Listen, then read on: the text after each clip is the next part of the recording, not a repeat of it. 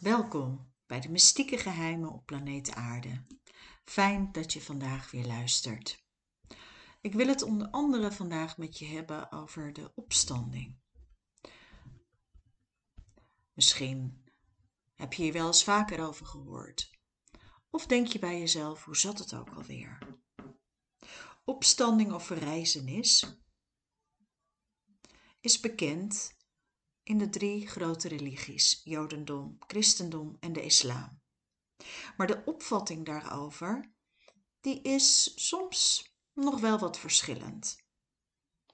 Zo is de algemene opvatting dat aan het einde, helemaal aan het einde der tijden, op de dag des oordeels, alle mensen vanaf de eerste mens Adam, die zijn gestorven, weer herrezen zullen worden om door God veroordeeld of geoordeeld te worden.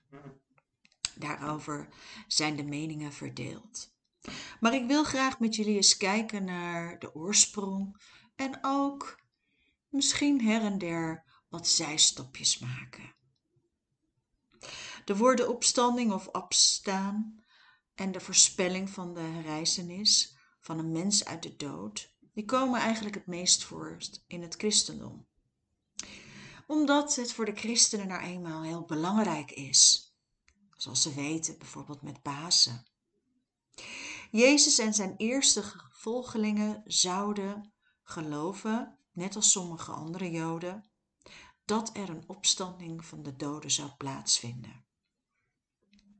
Dit geloof dat ontstond waarschijnlijk in de tweede of derde eeuw voor Christus, in de tijd van de Seleuciden, en wie waren nou die Seleuciden? Het is belangrijk om daar even naar te kijken en ik wil daar absoluut graag aandacht aan besteden. Het Seleucidische Rijk was de opvolgstaat van het Macedonische Rijk van Alexander de Grote. En dit rijk was er ongeveer 320 voor Christus toen Seleucus, dat betekent de overwinnaar, toen hij plotseling daar kwam. Hij werd als een van de grote generaals van Alexander de Grote benoemd en van Babylonië in 321 of 320 voor Christus. Hij werd verdreven, hij ging naar het Egyptische hof, hij versloeg allerlei anderen en het is een hele specifieke heer, deze. Hij heeft zich ook onder andere meester gemaakt over Perzië, maar ook over Syrië. En een heel bekend verhaal over de 500 krijgsolifanten die hij als geschenk kreeg. Omdat hij in de Indusvallei het een en ander had ingenomen. Dit was in 305 voor Christus. Hij riep zichzelf toen ook uit als koning. Cyprus was inmiddels ook veroverd en het waren hele spannende tijden. Syrië, zoals ik al noemde, dat voegde hij bij zich, maar ook het huidige Oezbekistan. Uiteindelijk werd Seleucus vermoord. En het rijk was een van de vier grootste en het viel helemaal uiteen. Waarom benoem ik dit nu? Ik ga het jullie uitleggen. Da 11:4. En hij zal staan, zijn rijk gebroken en in vier winden des hemels verdeeld worden, maar niet aan zijn nakomelingen, ook niet aan zijn heerschappij, waarmee hij heerste. Want zijn rijk zal uitgerukt worden, en dat zal voor anderen dan deze. En de koning van het zuiden, die een van de vosten is, zal sterk worden en hij zal nog sterker worden en hij zal heersen. De schrift verschaft geen volledige wereldgeschiedenis uit de tijd na Alexander de Grote's dood, maar het is wel heel interessant om te zien hoe het werkt met die beide rijken. En ook dat iedereen zichzelf tot koning uitriep. Dat is iets om absoluut tot je te nemen. Die Selide, ja, daar was wel wat mee. En zij eiste echt koninklijke en zelfs goddelijke verering op. goddelijke verering. De laatste Syrische koning, dat was, uh, die verdreef, het werd verdreven uit het land en toen werd uiteindelijk werd het een Romeinse provincie. En die Seleuciden die bezetten onder andere Israël.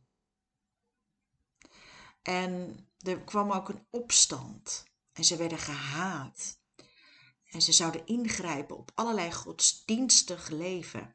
En toen kwamen het weer en ze wilden eisen dat de afgod Baal Hassiam zou worden geofferd. Je moet je voorstellen dat dit tijden zijn waarin ik best had willen leven. En als je kijkt naar dit, dan moet je ook denken aan de eschatolatische opstanding. Een eschatolatisch of eschatologie, dat is zijn, betekent de laatste dingen. En dat zijn de leer van de laatste dingen. In bijvoorbeeld de christelijke, de joodse en de islamitische religies wijst dit wederom naar het einde der tijden. En waarom noemde ik nou net deze uh, uh, ja, beschaving? Om je ook te laten realiseren dat er veel meer gespeeld heeft. In de christelijke, de joodse en de islamitische religies verwijst de term het einde van de wereld, de eindtijd of de vier laatste dingen. De dood, het laatste oordeel, de hemel en de hel. De meeste geloofs, geloofsgemeenschappen waarin qua eschatologie en algemene beleving de overtuiging centraal bestaat dat de menselijke geschiedenis zich in de eindtijd bevindt. En deze overtuigingen worden wel de eindtijdsbewegingen genoemd. Je ziet het heel veel. Het woord escala,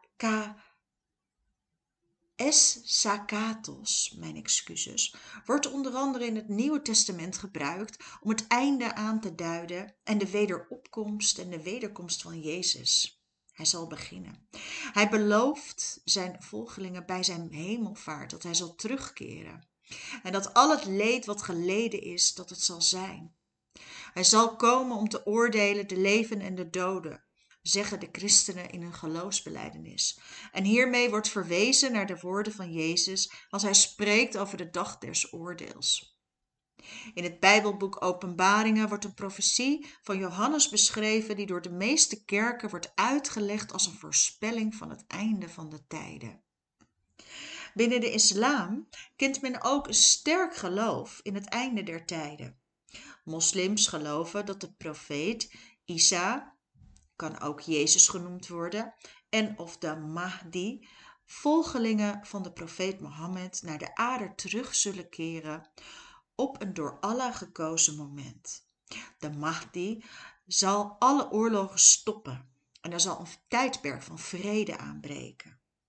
In het bijzonder de Shiïtische moslims geloven sterk in de komst van de Mahdi die recht zal spreken over alle personen op aarde. En zij geloven dat alleen voor de rechtvaardige moslims plek is in de hemel. Soenieten daarentegen zijn van mening dat alleen Allah daarover mag oordelen. Als je bijvoorbeeld kijkt naar de Maya's, de laatste dag van de 13 baktoen van de Maya-kalender wordt door een aantal wetenschappers gelijkgesteld aan de Gregoriaanse datum 21 of 23 december 2012. Zoals je misschien wel weet, gingen velen ervan uit dat dit misschien wel het einde der tijden was. En het wemelde dan ook over allerlei onwelspellende voorspellingen. Maar volgens een wetenschapper, Andreas Fust, was het eigenlijk een misrekening en zou het pas stoppen in 2220. Nou, dat is gelukkig. Dan hebben wij nog even de tijd, aangezien we nu in 2022 leven. De Joodse eschatologie heeft betrekking op de gebeurtenissen die zullen plaatsvinden in het einde der dagen, volgens de Torah en het Joodse denken. Dit omvat de terugkeer van de verbannen diaspora, de komst van de Joodse Messias, het leven na de dood en de opleving van de doden. Tesdikim. In het Jodendom wordt de eindtijd meestal het einde der dagen genoemd, een zin die meerdere keren in de Torah verschijnt. Het idee van de Messiaanse tijd heeft een prominente plaats in het Joodse denken en wordt gezien als onderdeel van het einde der tijden. In het Jodendom is het een belangrijke bron voor het geloof in het einde der dagen en de bijbehorende gebeurtenissen, de Hebreeuwse Bijbel. In Deuteronomium 28 tot 31 staat dat de Joden niet in staat zullen zijn om de wetten van Mozes in het land van Israël te houden en daarom verbannen zullen worden. Maar uiteindelijk zullen ze verlost worden. De boeken van de Hebreeuwse profeten handelen over het einde der dagen. In de rabbijnse literatuur hebben de rabbijnen deze verhalen uitgewerkt en worden de profetieën uit de Hebreeuwse Bijbel samen met de mondelinge wet en de betekenis van de rabbijnse tradities uitgelegd. De belangrijkste principes van de Joodse eschatologie zijn de volgende, willekeurige volgorde, uitgewerkt in de boeken van Jesaja, Jeremia en Ezekiel. Het einde van de wereld voordat alles vergaat. God verlost Israël, dat wil zeggen het Joodse volk, uit de gevangenschap, die begon tijdens de Babylonische ballingschap in het nieuwe Exodus. God brengt het Joodse volk naar het land Israël. God herstelt het huis van David in de tempel in Jeruzalem. God schept een koning uit het huis van David, dat wil zeggen de Joodse Messias, om het Joodse volk en de wereld van het tijdperk naar gerechtigheid en vrede te leiden. Alle naties erkennen dat de God van Israël de enige ware God is. God doet alle doden herleven. En God schept een nieuwe hemel en een nieuwe aarde. Men is ook van mening dat de geschiedenis zich zal voltooien en de uiteindelijke bestemming wordt bereikt wanneer de gehele mensheid terugkeert naar de tuin van Eden. Bij een tijdelijke opstanding keert een gestorven mens weer terug in het aardse leven, maar blijft deze sterfelijk. Deze vorm van opstanding is meestal het werk van een wonderdoener of een god, of komt voor in mythen en legenden uit allerlei tijden en plaatsen. In de eschatologische opstanding is met name kenmerkend dat de grote religies, dus de islam, het jodendom en het christendom, dat het wordt geplaatst aan het einde van de geschiedenis. De doden die dan zullen opstaan en ondergaan, zullen een lichamelijke omvorming krijgen, zodat ze onsterfelijk en onvergankelijk worden. Volgens de apostel Paulus is de opstanding van Jezus Christus het eerste geval van zo'n opstanding, dat de algemene opstanding van de gelovigen inluidde. Er zijn heel veel verwante religies. In hoofdzaak dus het Jodendom, het Christendom en de Islam. Maar we kunnen ook bijvoorbeeld het Hindoeïsme, het Boeddhisme, onder andere zijn ook heel veel die op deze manier toch gedachten hebben hierover. Het is heel spannend om ook dit te zien. Zo zie je bijvoorbeeld dat de Joden geloven dat God een verbond sloot met drie personen, te weten Abraham, zijn zoon Isaac en zijn kleinzoon Jacob, waarbij de laatste als stamvader van de Israëlieten werd gezien. In dit verbond belooft God dat zijn uitverkoren volk, het land van Israël, het beloofde land, later wordt het ook gezien met de belangrijke profeet Mozes, die ten tijde van de uittocht uit Israël, excuses uit Egypte, een reeks wetten heeft toegevoegd, waarvan de toen geboden. Volgens de Joodse traditie zijn er totaal 613 geboden in de Torah opgetekend, waarvan er 611 via Mozes en twee direct door God zouden worden geopenbaard en die de kern vormen van de halashi. In de Joodse eschatologie staat dus de komst van de Messias centraal, zoals voorspeld wordt door de profeten Jesaja en Iskiel, die een periode van vrede en welvarendheid voor Joden en alle andere volken zou inluiden, uiteindelijk leidend tot de eindtijd. Volgens de Joodse traditie heeft de Messias zich nog steeds niet geopenbaard. Het Jodendom beschouwt het christendom en de islam als dwalend. Aanhangers van deze religies erkennen volgens het Jodendom wel de enige God, maar maken zich niet schuldig aan afgoderij. Christenen geloven dat Jezus de Zoon van God is en tevens de Messias die voorspeld is in het Oude Testament, die naar de wereld werd gezonden om de mensheid te bevrijden van de zonde. In de christelijke traditie wordt ieder mens zondig geboren en is het geloof in Jezus en de leer beschreven in het Nieuwe Testament de enige manier om naar God te komen.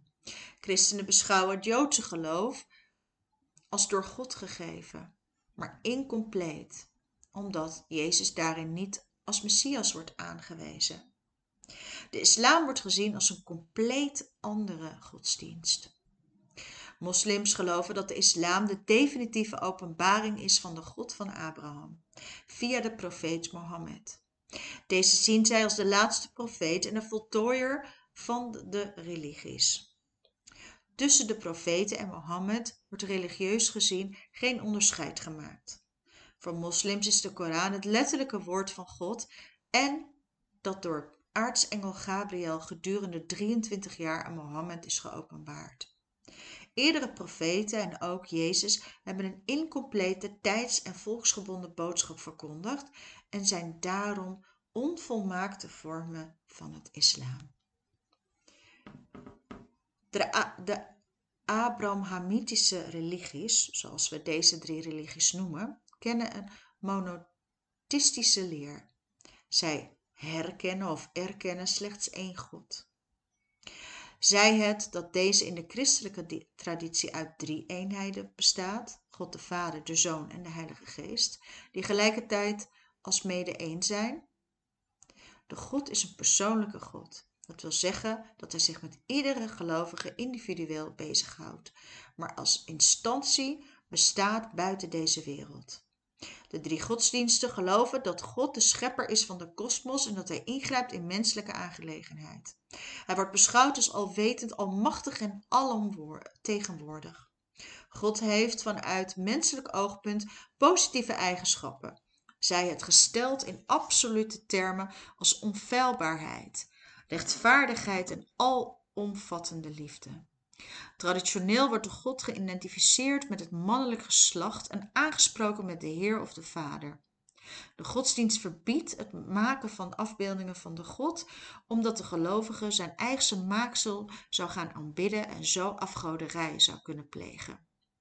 God is in alle godstradities uiteindelijk onbereikbaar voor het menselijk verstand. Het monotheïsme gelooft wel dat de gelovige door gebed in spiritueel contact kan komen met zijn God. Er zijn gebeden, maar ook individuele gebeden die de gelovige zelf zou kunnen formuleren. Ik wil jullie graag de termen geven, dus de verschillende vergelijkingen. De term voor een gelovige. Bij het Jodendom is dat een Jood of een Jodin. In het christendom een christen. In de islam moslim of moslima. Het symbool bij de Joden, Davidster of de menorah. Het kruis of het la barum voor de christenen. En voor de moslims de manende ster, de Rub el Hizbe het jaar van stichting. Het is eigenlijk onbekend bij de, het Jodendom. Het is ergens tussen de tweede en de zesde eeuw. Het christendom omstreeks 30 en het, de islam in 622. De belangrijkste stichter of de profeet. Bij de Joden is het Mozes, bij de christenen is het Jezus en bij de islam is het Mohammed. Het gebied van de oorsprong. Bij de Joden is het Levant. Ook bij het christendom is het Levant. En bij de islam is het Hijaz. Het verspreidingsgebied Europa, Noord-Amerika, Rusland en Israël is voor het Jodendom. Europa, Amerika en Oceanië is het voor het christendom. Midden-Oosten, Noord-Afrika, Centraal-Azië en Zuidoost-Azië is het voor de islam. De heilige geschriften, de Technak, oftewel de Torah en de Kotovim. De Bijbel, het Oude en het Nieuwe Testament voor de christenen en de Koran voor de islam. De aard van de heilige geschriften. Bij Jodendom is het de goddelijke oorsprong. Christenen geïnspireerd door God en bij de islam een letterlijk woord van God. De openbaring, door Mozes opgetekend in de Torah, door profeten en apostelen opgetekend in de Bijbel en door Mohammed opgetekend in de Sahaba, in de Koran. De taal oorspronkelijk in het Hebreeuws voor de Joden, voor het christendom Hebreeuws, Aramees en Grieks en de Koran is in het Arabisch. Secundaire teksten in de Talmud en de Midrash. Bij de christenen zijn het teksten van de kerkvaders en de uh, pauselijke boelen. Bij de islam is het de hadith en de tafsir. Zijn er nog secundaire talen met religieuze autoriteit? Bij de jodendom niet. Bij de christendom de Grieks en Latijn en bij de islam ook niet. De Hebreeuwse Bijbel, de Technak, en voor de christenen is het Oude Testament. De belangrijkste personen bij de Joden is daar verder niet echt wat, maar bij het christendom is het bijvoorbeeld de discipelen en de apostelen. En uh, bij de islam is het de Sahaba, de religieuze wetgeving. In het Jodendom is het de halassa. Bij de christenen is het het kanotiek recht of de kerkorde en in de islam is het de sharia. De vormen van theïsme. Dat strikt van uh, bij het Jodendom tot volledig monotheïsme, dus variërend, dus God kan zich overal in openbaren. En bij het christendom is het een trinair monotheïsme. En uh, bij uh, het, de islam is het een strikt monotheïsme de kernwaarden. Dus er is één God in het Jodendom, een drie-eenheid in het christenen en ook één God bij de islam. Is er een proselytisme? Dat is heel laag bij de Joden. Het is heel hoog bij de christenen, hè, eh, missie, zending. En de dawa is ook heel hoog bij de islam. Is er een een straf voor apostasie. Nee, niet bij de Joden. En een onthouding van Gods genade bij de christenen. En zelfs de doodstraf bij de islam. Hoe is het eigenlijk met de positie van andersgelovigen? Niet-gelovigen zijn niet gebonden aan het verbond en hoeven slechts de Noatheïstische geboden te houden om rechtvaardig te zijn. In het christendom en in de islam ga je gelijk, gelijk naar de hel. Klaar daarmee. Heilige plaats Jeruzalem, Jeruzalem, Bethlehem en eh, Rome en natuurlijk Mekka, Medin en ook Jeruzalem in de islam. Is er nog een verering van de mensen bij de Joden niet?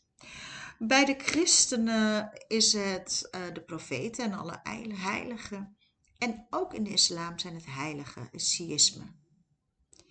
De heilige geest, de ruach ha-kodissi, de heilige geest bij de christenen en de ruh al-kudos. De aard van Mozes, volgens de Joden, zij de allergrootste profeet. Bij de christenen en bij de islam zijn ze een profeet en een boodschapper. Esra, de zoon van God bij de Joden. De uh, christenen die herkennen hem op geen enkele wijze. En in het, de islam is het een profeet. De aard van Mohammed wordt niet erkend als profeet bij de Joden, niet erkend bij de christenen. En het is uh, volgens de islam de laatste definitieve profeet en de boodschapper. De aard van Jezus wordt niet erkend bij het Jodendom zoon van God, de Messias. En in de islam is hij een profeet en een boodschapper en ook een Messias. De geboorte van Jezus, geen oordeel, volgens de Joden maagdelijke geboorte in zowel de christenen en als in het islamic, uh, in, de isla, in, is in de islam. De dood van Jezus, geen oordeel bij de Joden, kruisiging bij de christenen en een ander persoon is aan het kruis gestorven. Dus een aparte, dus bij de islam. Geloven we dat Jezus terugkomt? De Joden zeggen nee, christenen en de islam zeggen allebei ja. Is er een valse Messias? Geen oordeel bij uh, de Joden praten daar verder niet over. Er is een antichrist volgens de christenen. En in de islam noem je het een diaal. Het offer van Abraham, Isaac, Isaac en Ismaël. Wie was de eerste vrouw van Adam? Nou, eh, voor de mensen die wel eens naar mij luisteren, die weten Lilith. Ja, en ook in het Jodendom wordt gesproken over Lilith. Maar in de islam en in het christendom praten ze allebei over Eva. De zondvloed wereldwijd en wereldwijd, behalve in de islam, daar is hij lokaal. De stranding van Ark van Noah. Arayat, Arayat en Al-Judi aard van de menselijke natuur. De mens heeft de gelijke mogelijkheid tot goed of slecht gedrag. En de mens is volgens de christenen van nature een zonde. En in de islam heeft uh, de gelijke mogelijkheid tot goed en slecht gedrag. Nou, dat scheelt. Kunnen we nog verlossing verkrijgen? Verlossing van de wet bij de Joden. Geloof in Jezus als God van zo'n en de goede daden en sacramenten en de vijf geboden. En dan gaat het allemaal goed komen in het christendom. En uh, bij de islam ook goed geloven, goede daden en de vijf zuilen. Bevroeting, shalom.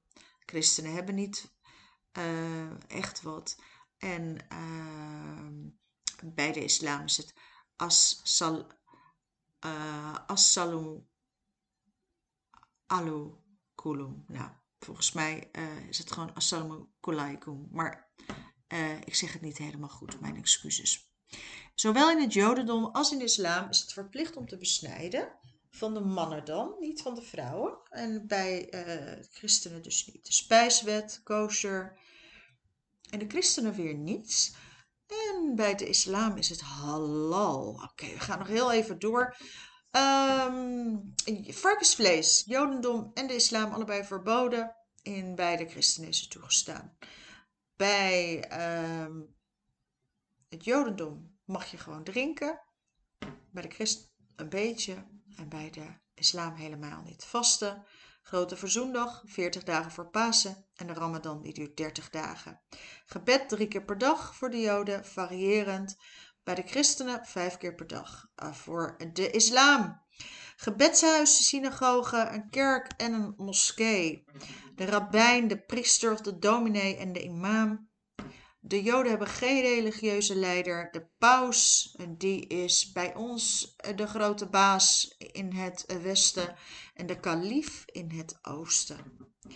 Zijn er religieus geïnspireerde oorlogen? Niet in het Jodendom, maar wel in het christendom. En ook in de islam zijn ze er gek op de kruistocht of de jihad. De Joodse kalender, de Gregoriaanse kalender en de islamitische kalender, ook dat hebben ze allemaal voor zichzelf apart. Zelfs de belangrijkste dagen in de week zijn apart de zaterdag voor de Joden, de zondag voor de christenen en de vrijdag voor de islamieten. Rituelen bij de kinderen, bar mitzwa, bad mitzwa, de doop, de eerste communie, plechtige communie en niets bij de islam. Uitvaart, allemaal worden ze eigenlijk begraven en dan wel of niet uh, ja, gecremeerd. Dat mag alleen bij de christenen. Hoe noem je als je uh, kritiek hebt antisemitisme, anti-papisme,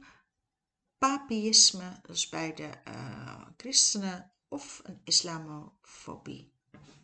Een gooi is een ongelovige, een heiden of een kuffer.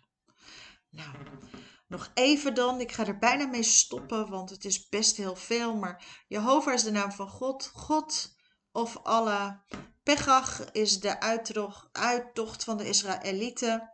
Bij Pasen noemen wij dat en bij de islam noem je het Asura.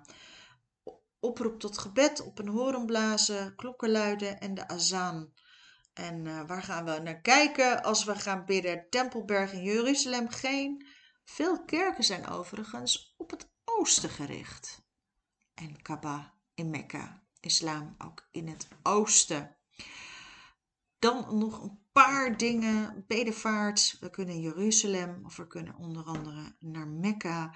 En uh, de belangrijke gebouwen, de Klaagmuur, um, de Sint-Peters basiliek en onder andere de mosk van de profeet.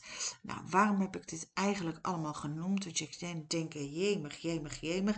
Ja, die opstanding. Ehm, waarom heb ik dit allemaal benoemd? Omdat ik toch nog heel even kort naar een klein stukje over de opstanding. Ik nog iets over vertellen, als jullie dat goed vinden.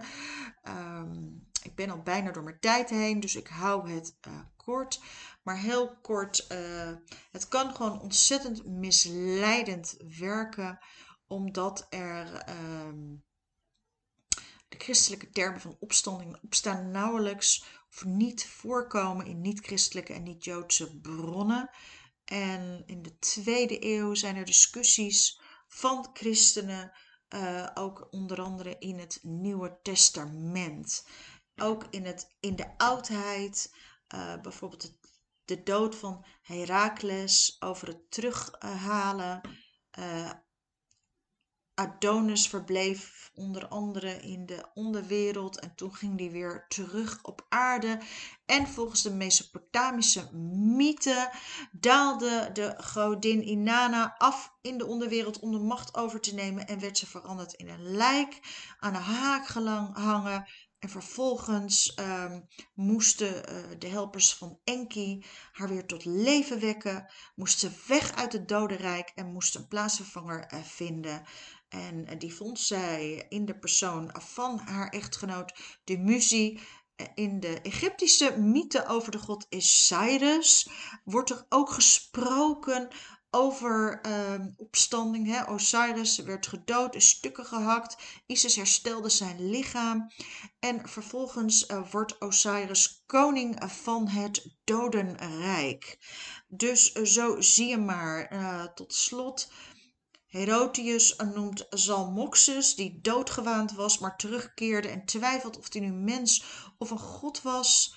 Celsius, de tweede eeuw, uh, van uh, de christenen noemt Jezus en vergelijkt hem ook met Salmokius en wiens opstanding aan waar hij ook weinig geloof aan hechtte. Wanneer het lot van Jezus na zijn dood niet wordt bekeken vanuit het begrip opstanding, maar vanuit het begrip verhoging of ten hemelopneming, vallen er parallellen te betrekken tussen uh, de ten hemelopneming en de vergodelijking van onder andere Heraclius, Romulus, Empodicles, Apollonus van Tina en Alexander de Grote en Augustus. Goed, nou, volgens mij uh, hebben we nog heel veel om met elkaar te bespreken. Maar uh, ik denk voor nu dat dit het was. Dit waren de mystieke geheimen. Mijn naam is nog steeds Patricia Mensink. En uh, ik weet niet hoe het voor jullie is, maar ik heb nog veel meer vragen nu. Maar we weten in ieder geval wat de verschillen zijn. Ik zie en spreek je volgende week weer. Dag!